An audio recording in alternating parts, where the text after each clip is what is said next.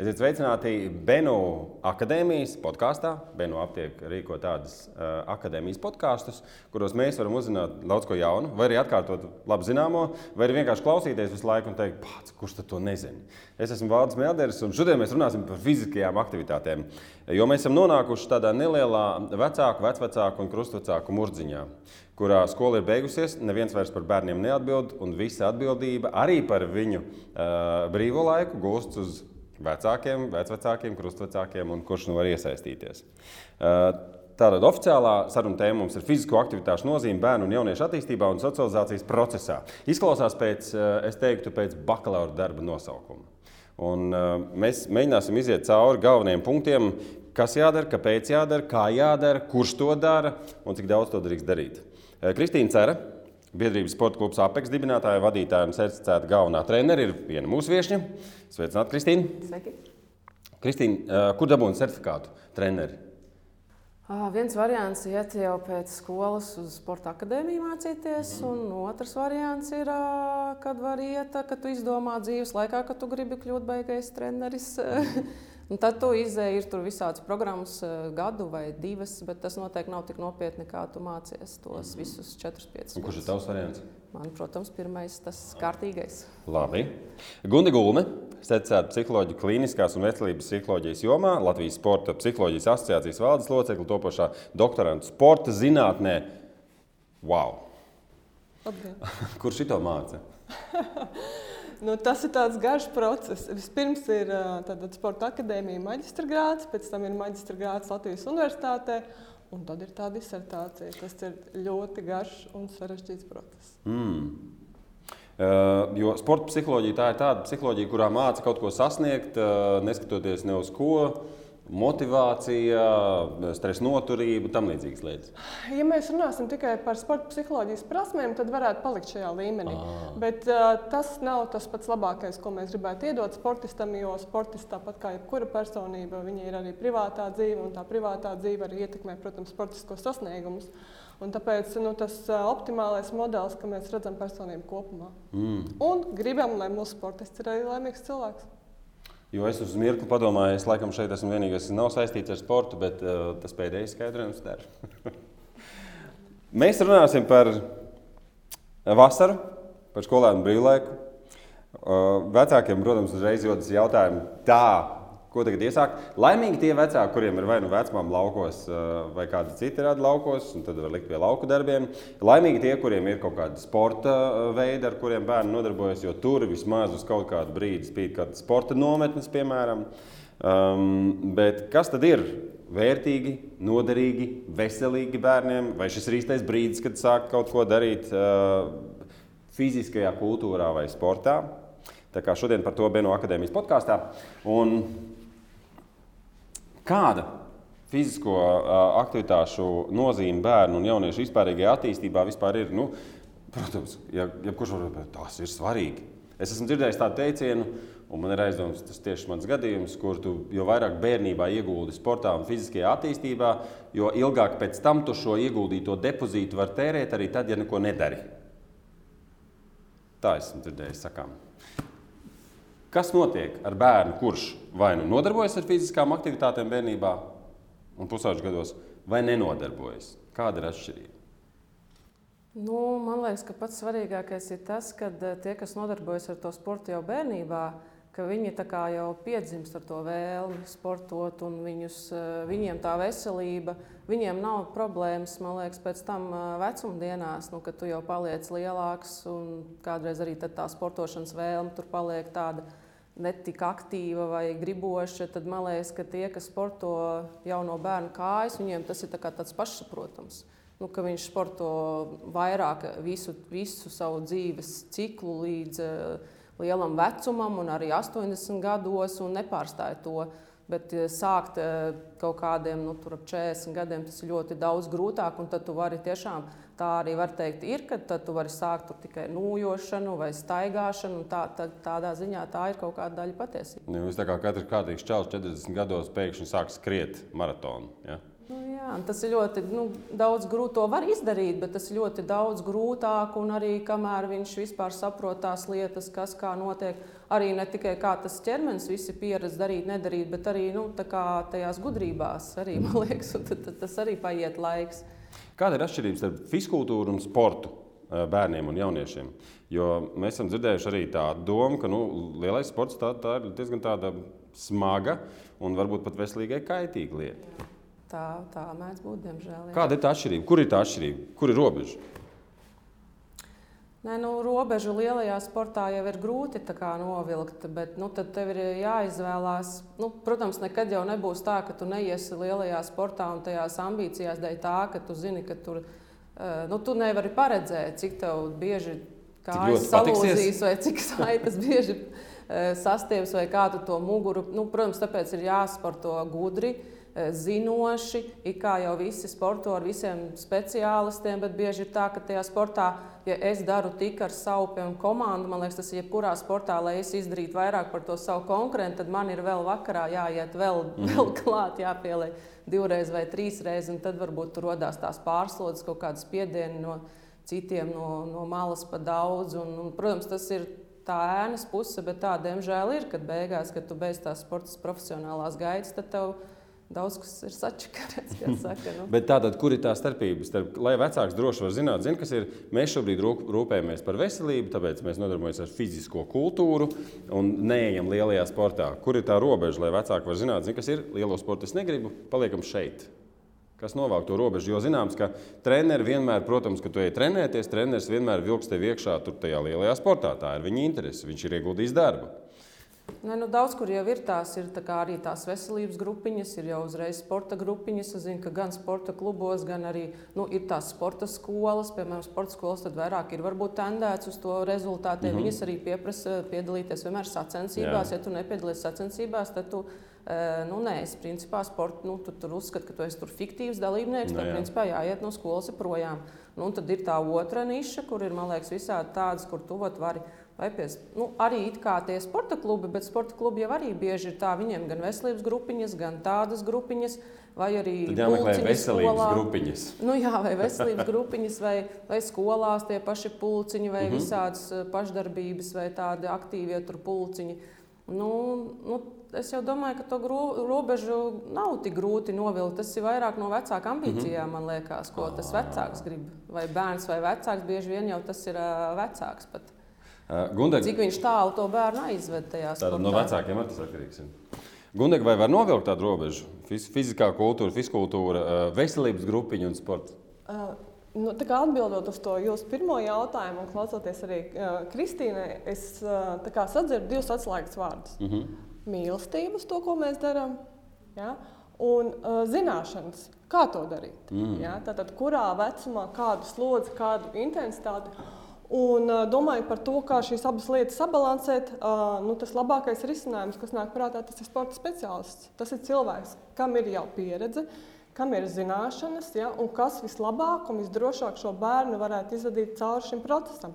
Bet tāpat laikā, zinot visus šos fizisko aktivitāšu iegūmus, par ko droši vien mēs vēl runāsim šodien mm -hmm. ilgi un plaši, uh, un tomēr tā statistika parāda, nu, ka tikai ļoti maza daļa bērnu izpilda šos te uh, vadlīnijas noteikto fizisko aktivitāšu apjomu. Jautājums, kāpēc? Mm -hmm. ja? Mhm. Jautājums, kāpēc? Jo uh, nu, tādam bērnam ja, līdz pusaudža gada vecumam tas minimums būtu 60 minūtes dienā, vidējas vai augstas intensitātes, un uh, trīs uh, reizes nedēļā spēka, kaulu stiprinoši, muskuļus nostiprinoši treniņi. Nu, palūkojiet apkārt, vai mums vispār izdodas to izdarīt. Nākamais, ja mēs runājam par šiem iegūmiem, mums jāskatās gan īstermiņa, gan ilgtermiņa iegūmi. Ja? Tātad, ja mēs skatāmies ilgtermiņā, domājot par fiziskām aktivitātēm, Labi, mēs varam pasmaidīt par šiem pulciņiem, vai nepasmaidīt, vai ne.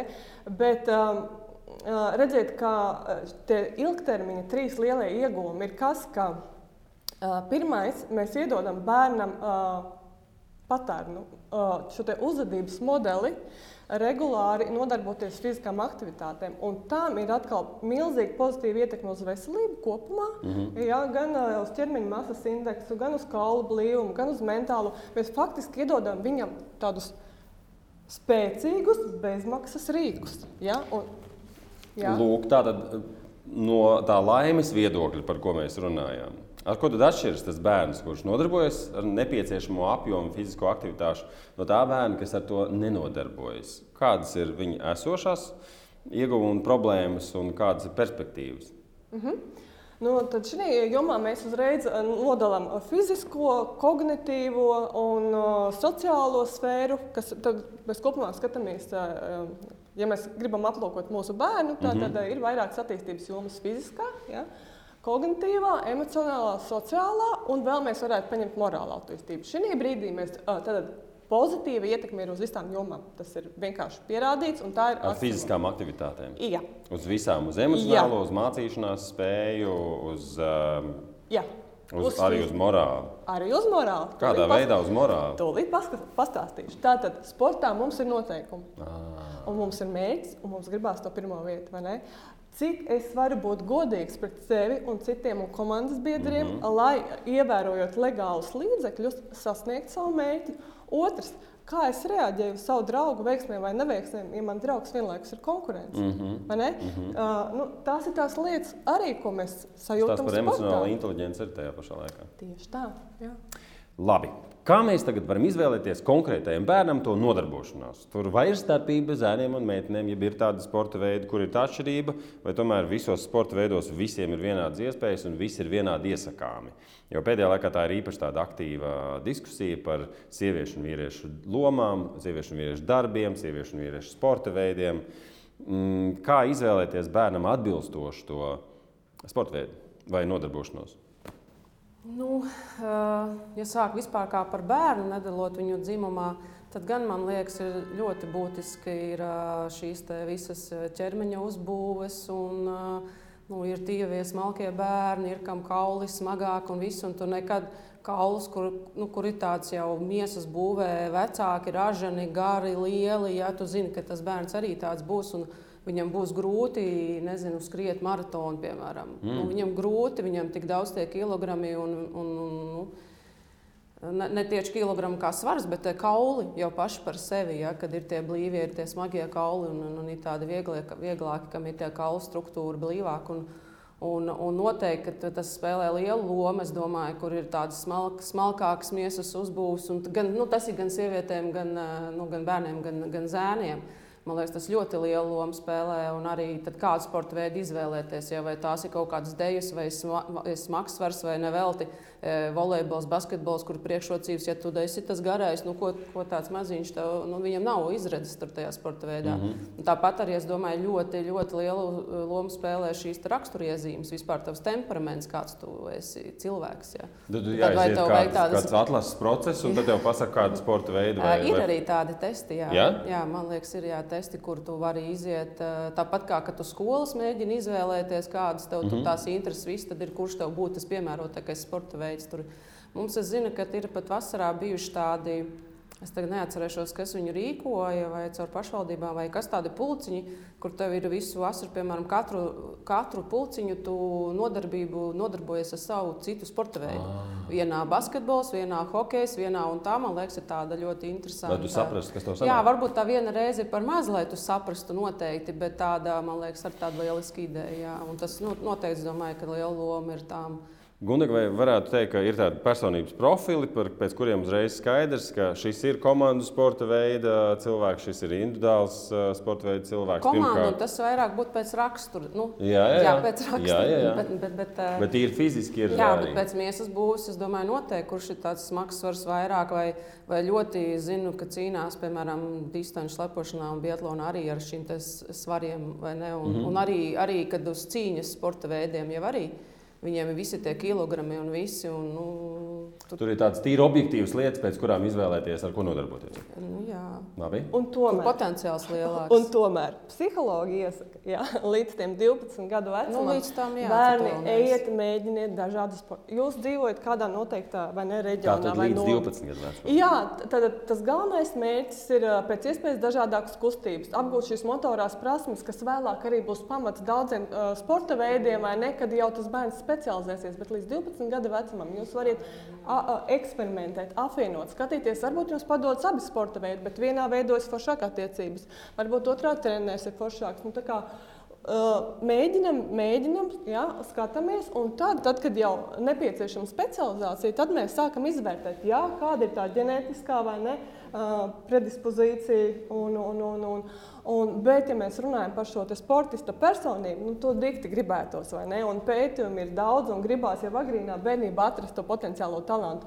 Nu, diemžēl neesmu atradusi pētījumu, kas to apstiprina, jā, bet tas, ko pētījumi norāda, oh, bet diskusija nav beigusies. Es mhm. pieņemu, ka varbūt tiks atrasts, bet uh, tas, ko parāda pētījumi, kaut arī par komandu un individuāliem sporta veidiem, ir tas, ka nevis tas sportists atrod to individuālo vai komandas sporta veidu atbilstoši savai šīm, šīm raksturiezīmēm, ja, personības iezīmēm, bet drīzāk tas sporta veids, kurā viņš pavada tik daudz laika, viņu formē kā personību. Mm. Un tas ir interesanti. Jo redz, es esmu dzirdējis, ka šobrīd no tādās dinastijās eh, bērni jau automātiski, piemēram, futbolā, viņi jau zīdaiņi, bet nezinu, mātes miesās jau tiek nosacīti nopirkti no kāda kluba, ka lūk, šis čalis spēlēs eh, vai šī meitene šajā klubā, jo viņa tēcis ir brīnišķīgs futbolists un vectēvs un tā tālāk. Nu, pat gēnu līmenī notiek šī izvēle. Uh, nu, vai gēnu, vai atkal tas ir tas ģimenes modelis? À. Jā, mēs nezinām. Mm -hmm. Labi. Uh, labi. Mēs tagad runājam par sportu. Parunāsim par fiziskām aktivitātēm, kas nav sports. Ko tam bērnam, vai, ko tam bērnam saorganizēt? Kas būtu tās fiziskās aktivitātes, kuras nav sports, nu, kur mums nav vajadzīgs tas treneris? Ko tad vasarā darīt? Jebkurš normāls bērns kuram patīk peldēties, laimīgs, braukt ar velospēdu, laimīgs ir velospēds. Nezinu, tagad ir visādi, nu, diemžēl, elektroskūteri, bet arī tomēr parastie skrējēji, e, dēļi, skrituļdēļi, skrituļslīdes. Ko vēl tāds bērns sadzīviskā līmenī var darīt? Un kas ir iesakāmais, ar ko sākt vai kā izvēlēties? Nu, šie visi nosauktie sporta veidi arī, jā, var teikt, ir tie pamati. Tad liekas, ko vēl, ko vēl viņš varētu darīt bez šiem nosauktiem sporta veidiem. Nu, tad ir jāpieslēdz kaut kāda mm -hmm. radošā doma. Bet, nu, bet nu, tāda no šiem visiem, ar ko tad sākt? Ja? Nezinu, no traumatismu viedokļa, no slodzes viedokļa, no vispārējās attīstības viedokļa, fiziskās domājot. Nē, nu mēs, piemēram, tagad pavasarī daudz tiešām slidojam ar skrituļslidām. Mm. Un tas ir, ko es esmu atklājis, viens no tiem veidiem, ar ko tu vari šo bērnu vispār piesaistīt pie tām ap, sporta aktivitātēm. Jo, ja tu viņam, mums ir arī stadiona treniņi, vispār ir fiziskā sagatavotība. Ja tu pasaki tam bērnam, ka tev ir jānāk no stadiona treniņiem, tad vienalga, ja tu viņam stāst, tur nebūs tā, ka tev jāskrien 5, 10 apļi no mm -hmm. vietas, tur jālec un jāpumpēs, un tu, tu pilnīgi tur sviedra līst. Un ir ceļš tāds bērns, kas nav radis to darīt ja, no skolas sola.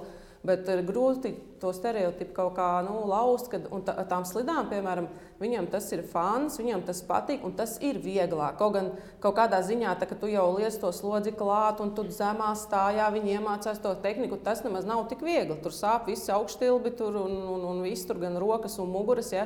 Bet tas ir tā, kā tu viņu tā kā tā, tā kā sanāk apmāni, viltīgi iesaistīties. Ir jābūt azarta elementam. Jā, un uz tām skrituļslidām tas ir viņam ir tāds adrenalīns, mm, tur ir tāds mm. izaicinājums, tur nu, nu, pati tā slidošā sajūta, tur viņam nu, tas liekas tāds. Kaut kāds ekstrēmāks, sporta veids, man liekas, kas tiem jaunošiem arī daudziem nu, svarīgi. Gan puišiem, gan meitenēm. Jā, gan puikas, gan meitenes. Un, un tas ir, nu, un tā arī ir, kad zvana un saka, mums patīk riteņi vai nu, slidas. À, kas ir tas? À, jā, tās arī varētu pamēģināt. Bet, ja tu saki, ka tev ir arī vispārējā fiziskā sagatavotība stadionā, nu tad nē, nu to laikam nē. Un tad arī ir jautājums, vai tas nāk no tā vecāka jā, jau, jā, jā. vai no tā bērna. Bet, nu, Mm. Un tad tie ir tie to fizisko sagatavotību stadionā, nu to zina, kad jādara. Tas jau ir arī visa bāze. Un tad to vairāk grib tie sportisti, kas saprot un novērtē to, ka tev vajag, mm. lai tev tās kājas paliek ātrākas, stiprākas un tos rezultātus. Ja? Bet, tādas, kā vat, runājam par tādu vienkāršu sportu, tad šie ir tie, man liekas, tie sporta veidi, kas, vai aktivitātes, kas ir tādas. Tā kā tādas nu, spēlēšanās, tādas ikdienas, tādas es dēli, paslidoju tur skūterī. Jā. Nu jā, jo es arī savulaik treniņos eh, nodarbojos ar smaiļošanu, un tad mūsu dzēna apkārt tam stadionam. Es vienreiz sadusmojos un pajautāju, Nu, jā, Mums jau te ir skriešana viena, un tad savukārt dabūja vietē par to, kas stāsta par vispārēju fizisko sagatavotību, Jā. lai tu varētu darīt to, kas tev patīk. Jā. Um, bet bērniem motivācija šajā ziņā varētu būt pagrūta. Bet, ja es varētu papildināt, domājot, nu, šeit bija tā nianses, vai ne? Tie bērni, kam vēl nav tās pieredzes, varbūt, un kam, kam jādod tā pirmā. Jā, viņš vēlāk būtu gatavs nākt ne? uz to stadionu, Jā, jā, un bet, varbūt, nu, jā, varbūt nu, kaut kādā brīdī viņš ir nokavējis to posmu, un, un tagad viņš ir uzņēmies, nu, tā kā varētu mēģināt, mm -hmm. vai ne? Uh, vai, vai mamma liek, vai, nu, Kaut kā, nu, kaut kā tā vasara pienāks, un kaut kā vajadzētu viņu pavadīt sekmīgi. Nu, tas, ko iesaka, nu, pirmkārt, samazināt laiku telefonā. Ja mājās vēl nav uzlikts limits, tad, nu, tad uh, uzliekam divas stundas dienā, piemēram, un viss. Ja? Lai labāk viņš ir tā tādā uh, dīkā sēž. Ja? Kaut kā izbauda to laiku dīkā, vērojot mākoņus, kā plūst, nekā viņš sēž tajā telefonā. Mm. Ja? Un tas ir arī ļoti labi tām nometnēm, ko es zinu, ka vairums treneru arī izmanto. Tātad aizbraucot uz sporta nometni, telefoni ir pieejami bērniem no rīta, vakarā varbūt pusdienas laikā, mm -hmm. lai sazinātu vecākus. Jā. Un tad treneris stāsta, nu, ziniet, nu, trešajā dienā viņi ierauga bērnus. Savā dabiskajās kustībās, spēlēs, priekos. Ja? Nu, tā kā, Uh, jā, tas būtu, man liekas, brīnišķīgs izaicinājums vasarai. Jā, tāds Tieši mērķis. sākt ar to, ka ierobežo vienkārši citas alternatīvās nodarbes, lai rastos laiks šim. Uh, ierobežo telefonu lietošanu. Mm -hmm. jā, tad, piemēram, divas stundas dienā. Ja? Jo tajā brīdī, kamēr mums ir tas telefons, jā, mums ir uh, visu laiku tas. Mums ir ko darīt. Nu, kāpēc mums iet ārā, ārā lietus līdzi? nu, negribās. Nu, kāpēc? Mm -hmm. Labi, tātad no emocionāla viedokļa ir kaut kādas, um, nu, vai nezinu, no rakstura viedokļa ir kaut kādi ierobežojumi, kuriem bērniem kaut ko vajadzētu darīt un ko nevajadzētu darīt. Es teiktu, ka es teiktu tā, mēs piemērojam plānu bērnam, nevis bērnu plānam. Es ieteiktu nodarboties visiem, mm -hmm. visiem Mhm. jā, neatkarīgi no fiziskām spējām, arī ar kustību ierobežojumiem, visiem. Bet mēs skatāmies, ko šis bērns tajā brīdī var izdarīt. Un tad, kad viņš sasniedz to pirmo pakāpienu, mēs skatāmies, vai mēs varam piedāvāt nākamo, vai viņš grib nākamo. Bet, jā. Socializēšanās. Um, runā, kā, ka bērniem grūti šobrīd atrast draugus, tīpaši Covid laikā. Viņi visi visu darīja attālināti, un vienīgie draugi, kas viņiem bija, bija attālināti draugi, virtuālie draugi. Kāda ir um, nu, tā sporta nozīme, piedot par izteicienu draudzībā? Kristīna, kāda tev pieredze? Milzīga. Man pieredze tāda, ka Covid laikā pa šiem diviem gadiem mums vecāki tur eh, daudzi klanījās un teica paldies, ka mums treniņi varēja notikt, jo mums viņi bija ārā. Jā. Kalnu slepošana jau uz kalnu. Mēs visu cauru gadu vispār ārā pārsvarā uz, uz, uzturamies. Un, Un tad viņi teica, ja nebūtu tas treniņš, nu tad, nu, mm -hmm. nu tad, jo skolas jau nebija, kas nebija, un tad man bija tādi, kas man nāca uz kalnu septiņas reizes nedēļā. Es teicu, ka liekas, tas jau bija pat traku. Tad viņi teica, nē, viņiem vajag, ja Bērni sēž teica, vai vecāki teica? Nu, vecāki, bet arī bērni. Viņi, nu, vecāki, vecāki, arī bērni paši, jo tas ir tas, kā tu satiec vispār tos draugus, tos cilvēkus un mm -hmm. socializējies. Un tad viņi parasti pēc treniņa vēl tur paliek spēlēties vai kaut kā. Un, un, Un, un, un, un, bet eh, vecāki arī teica, ka viņiem nevajag. Un es teicu, nu, baigi, nu, ka nu, nav tā pārs. Un, nu, es baidos par to, ka tam bērnam sāks nepatikt vairs tas sporta veids, ka tu tik daudz ar viņu nodarbojies. Ja tev, nu, viņš vēl ir bērns septiņas reizes katru dienu uz kalna. Ja? Un tad bija tā, ka um, nu, mamma teica, ka, nu, nē, nu, ja viņš neaizies to kalnu, tad viņš visu dienu Mm. tāds, tāds to nervu sistēmu, tu tā kā visu, kas tev sakrājās, vai visu arī no tās skolas, no visa tu aizēji un tev viņi To es saprotu, jā, loģiski tas uh, mazina stresu. Un, Jā, un izveidina izlādē galvu li- un- jā. un- un- Bet kā ir ar to socializēšanos, ar to draudzēšanos? Kur kādā veidā tas, ar ko tu nodarbojies, ietekmē iespēju ar kādu sadraudzēties vai ilgstoši uzturēt tuvas attiecības, piemēram? Nu, mums, piemēram, ir ļoti svarīgas tās, tās draudzības, tā, jo tas arī ir veids, kā, kāpēc tu nāc. Ja tev ir laba draudzība tajā klubā, tad tas ar tevi pietur pie tā sporta.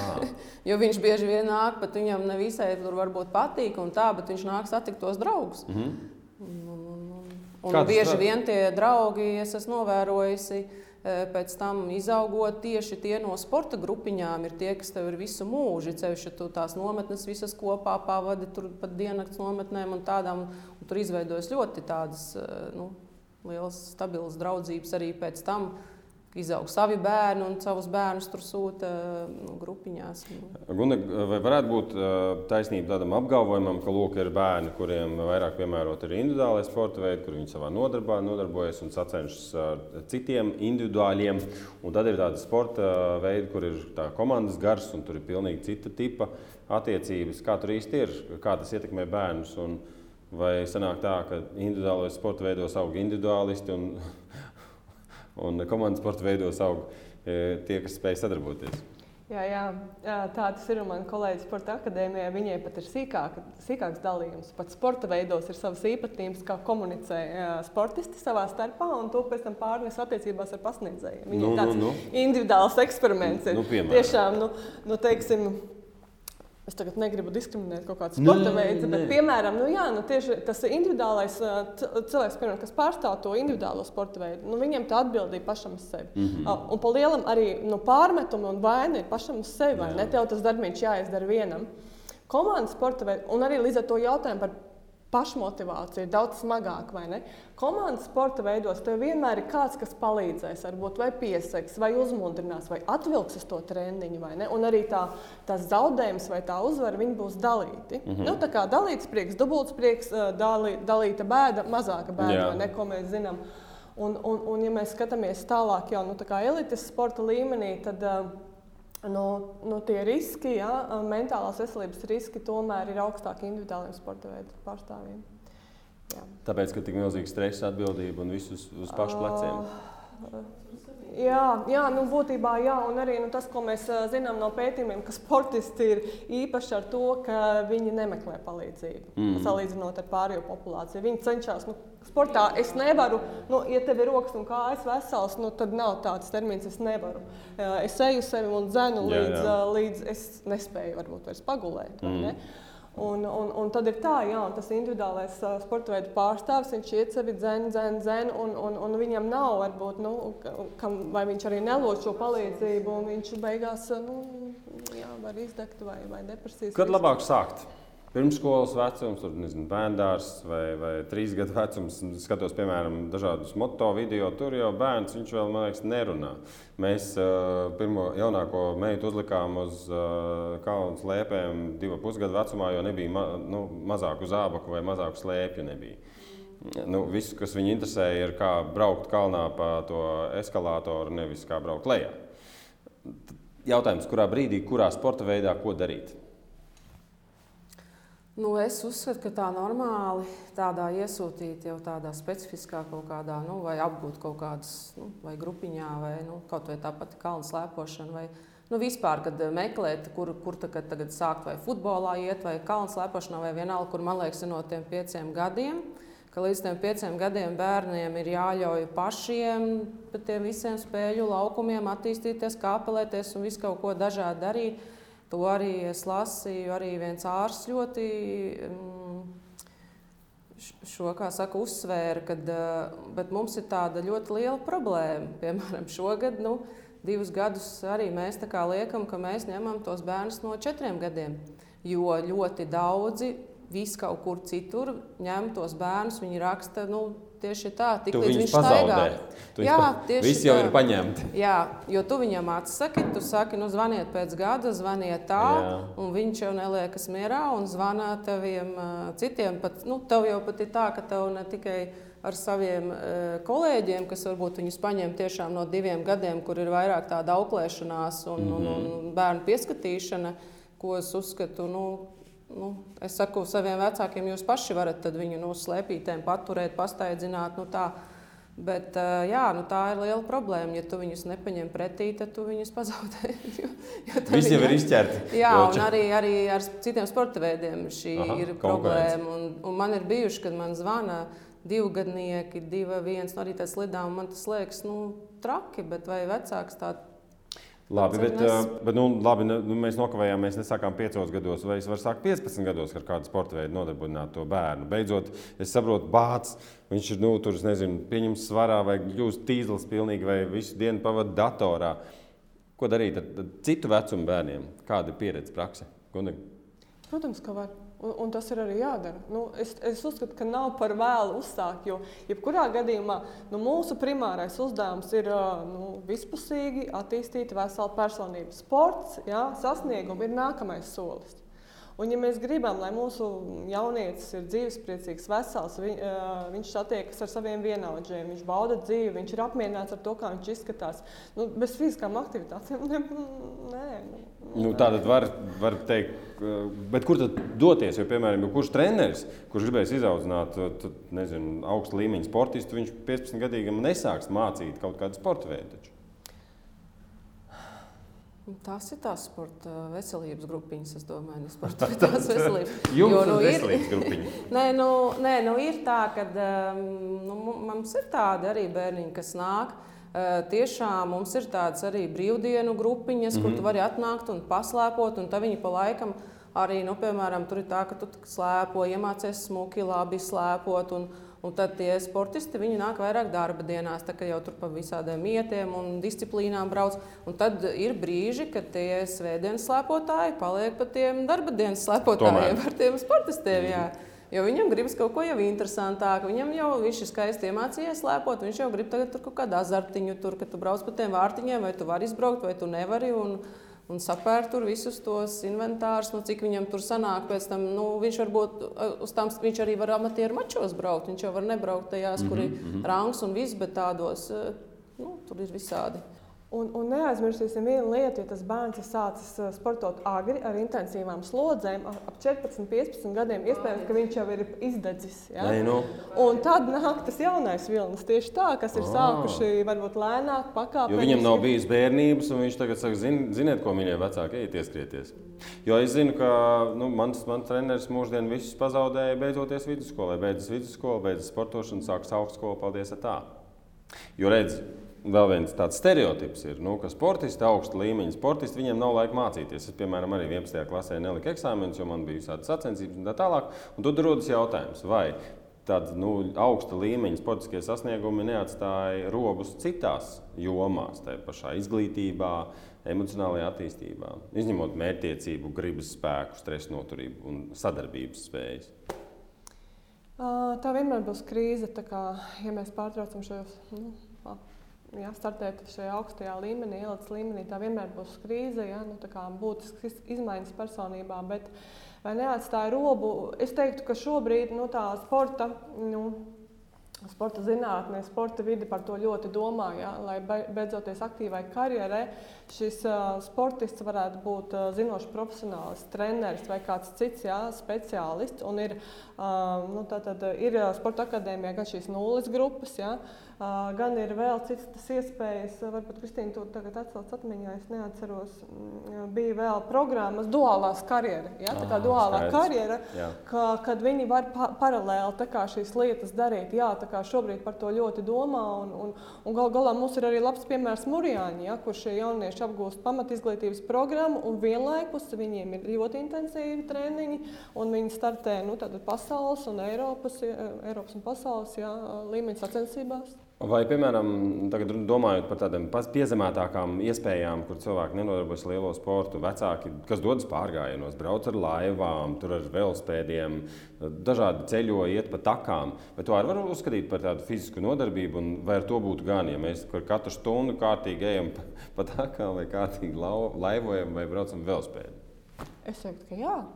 Brīnišķīgi. Nu, faktiski tā ir tā, nu, vēl viens veids, kas mums kādu laiku jau ir sporta zinātnē, fiziskās rekreācijas aktivitātes. Mm -hmm. Un viņu mērķis tieši ir fizisko un garīgo darbu spēju atjaunošana. Mm -hmm. jā, tad, tad esam dabā, veicam aktivitātes, baudām procesu, jā, tad brīvprātīgas aktivitātes. Uh, dabā, kur mēs izbaudām procesu, mums nav mērķis, rezultāts, bet mērķis ir process. Fantastiski. Mērķis ir process. Labi. Um, vai Kristīna, tu arī kaut ko dari tādu, kur mērķis ir process, nevis uh, sportiskie sasniegumi? Pati. Jā. Piemēram. Nu, tās pašas, uh, nu, arī tās pieminētās jau staigāšanas un visgar jūru vai mežu, tad uh, tas process ir tas, kas, nu, kas tev, piemēram, rada jaunas, jaun, nu, jaunas mērķus, jaunas domas, sakārto mm -hmm. un iztīra tur galvu varbūt, un bieži nevelti tā, ka tu izskrien to krosiņu, un tev pēkšņi kaut kāda problēma atrisinās. Tu izskrien, tu saproti, jā, jādara tā. Kā panākt, lai bērnam tā disciplīna, pie kā viņš ir pieredzinājies, un viņš kļūst mērķiecīgs, lai vienā brīdī tiešām tas gribas muskulis uh, nu, netiek pārslogots. Viņš saka, ziniet, ko es vairs nevaru, es vairs negribu. Nu, tas man liekas, ir, tā, ir tas, ka uh, vajag, lai Tas, ko viņš dara, vienmēr ir aizrautīgi, ir jautrība, lai ir tā daudzveidība, lai viņš ne, nu, ne, nav tāda stagnācija, nu, kad mm -hmm. visu laiku viens tas pats, vai redz, mēs stejam visu laiku stadionus, visu laiku riņķojam apļus un visu laiku lecam vai kaut ko.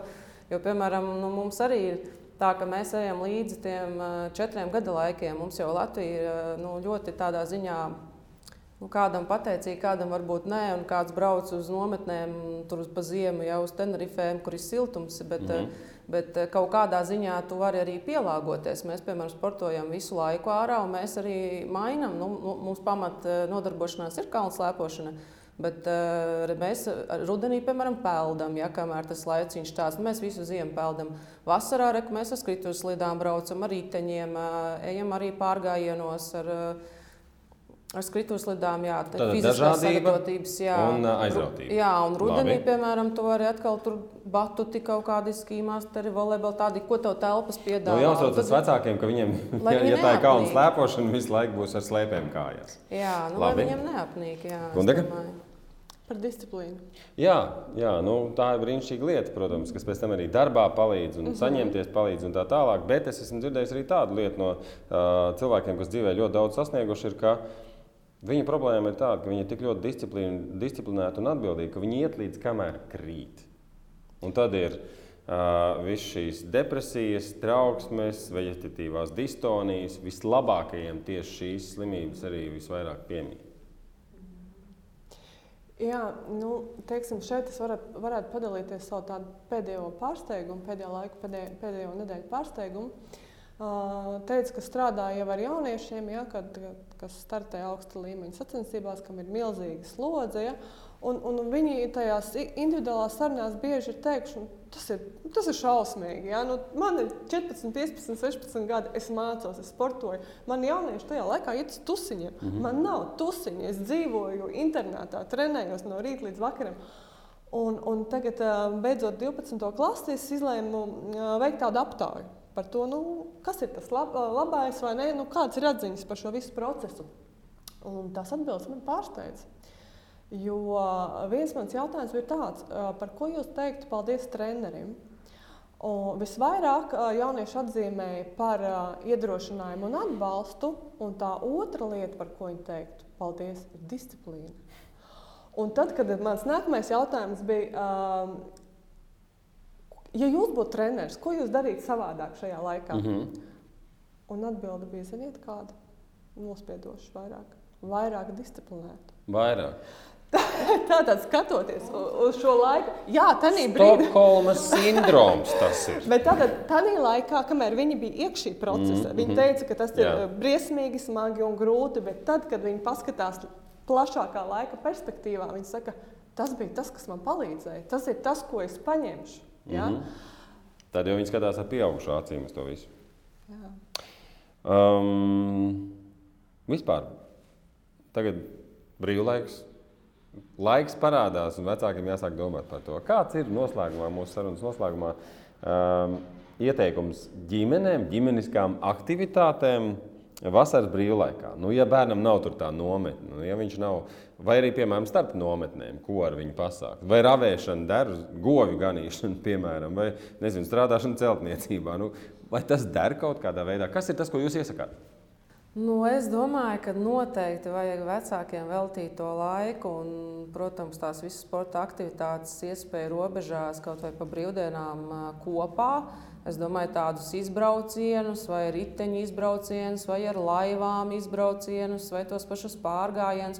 Un es domāju, noteikti tādus ar teltīm, nakšņošanas, varbūt man liekas, ka tas pēc tam paliek atmiņā tiem bērniem, kad viņi izaug. Un tā kā jau viņi ir izauguši jau tīņu vecumos, tad jau viņi negribēs mhm. ar saviem vecākiem. Bet tā kā viņi ir nu, vēl tādā, kad tad, nu, lai tie vecāki nenokavē varbūt to momentu, un tas vecāks var atcerēties, ka tas nu, tos visus izbraucienus, un ka tie vecāki veltījuši to laiku un arī viņiem radījuši šo piedzīvojumu sajūtas, to foršo pēcgaršu vai vēlmi, un tad to Mhm. audzina arī saviem bērniem Gundaga? aktīvi. Jā. Uh, jā, es klausos, es līdzīgi domāju Kristīnai, bet uh, tas, ko es vēl gribēju pieminēt, nu, tā kā es domāju, ka ir gan tas struktūrētais laiks, ko mums var dot nometnes, gan jādod vasarā arī nestruktūrētais laiks. Ja? Nu, Tā kā nevajadzētu likt nometni, nometni, nometni, bet ielikt to vasaru arī, ka ir vienkārši kāds periods, kur ir nestruktūrēts laiks, un, un, un tu vari vienkārši izbaudīt to vasaru. Tagad, lai viņš slinko, Jā, kādu leciņu, kāpēc ne? Viņš Kāpēc ir jā? smagi strādājis deviņus mēnešus, Jā. un brīnišķīgi, kāpēc ne? Ah, tas ir arī tai izdegšanas profilaksē. Nu, tas arī veicina šo te radošumu. Jā. Bērns var varbūt spēja kā pārvērtēt, kas ir padarīts, varbūt izvirzīt kādus mērķus, saprast, kas vispār viņam patīk. Mm -hmm. nu, tas tāds laiks pašam ar sevi, un, un, protams, laiks ar vecākiem. Tas ir pilnīgi viennozīmīgi darīt kopā, un arī, ja mēs runājam par tādām fiziskām aktivitātēm, tas ir labākais, ko mēs varam iedot. Šie kopējie brīži dabā. Jā, Tas ir tas labākais, ko mēs varam dāvāt bērniem. Cep maršmelomus vai gāt vai... Aha, vai principā dabūt viņu dabā var ļoti vienkārši piesolot, ka tur galā būs kaut kas, kas viņam jau patīk. Arī Nu, redz, Iedvesmē es teiktu, tā, vēl var ielūkoties uh, savā noliktavā vai garāžā. Izrādās, ka tur glabājas kaut kādas lietas, kuras gadus 20 nav redzētas, piemēram, laiva, slēpes, vai skrituļslīdes, vai nūjas kādas, vai bumba. Nu, tur pēc 20 gadiem diez kas būs palicis pāri, bet iedvesmē var pastaigāt arī starp citu pa lielveikalu plauktiem. Tur visādi badmintoni, galda tenisi, uh, kas tur softboli un kā tik brīnumi šobrīd nav sastopami, kur to azartu sasmelties. Tā kā no sirds novēlam, mīļie vecāki, atrast pašiem sev laiku. Jo viena lieta ir teikt, bērniem nodarbojas ar fiziskām aktivitātēm, otra lieta kopā ar viņiem to izdarīt. Tā kā, lai kas tas arī būtu, būs gana labi, ja jūs to darīsiet. Lai izdodas. Mēs sakām paldies eh, mūsu, manai, mūsu sarunu biedrenēm. Eh, Šodien Kristīna Cerbija, biedrības sporta klubs Apex dibinātāja, vadītāja un certificēta galvenā trenere. Un paldies arī Gundegai Ulmei, certificētajai psiholoģijai, klīniskās un veselības psiholoģijas jomā. Paldies jums! Paldies! Un tiekamies kaut kur brīvajā laikā, vai nu brīvā dabā, vai kādā sporta nodarbībā, vai vienkārši darot to, kas patīk.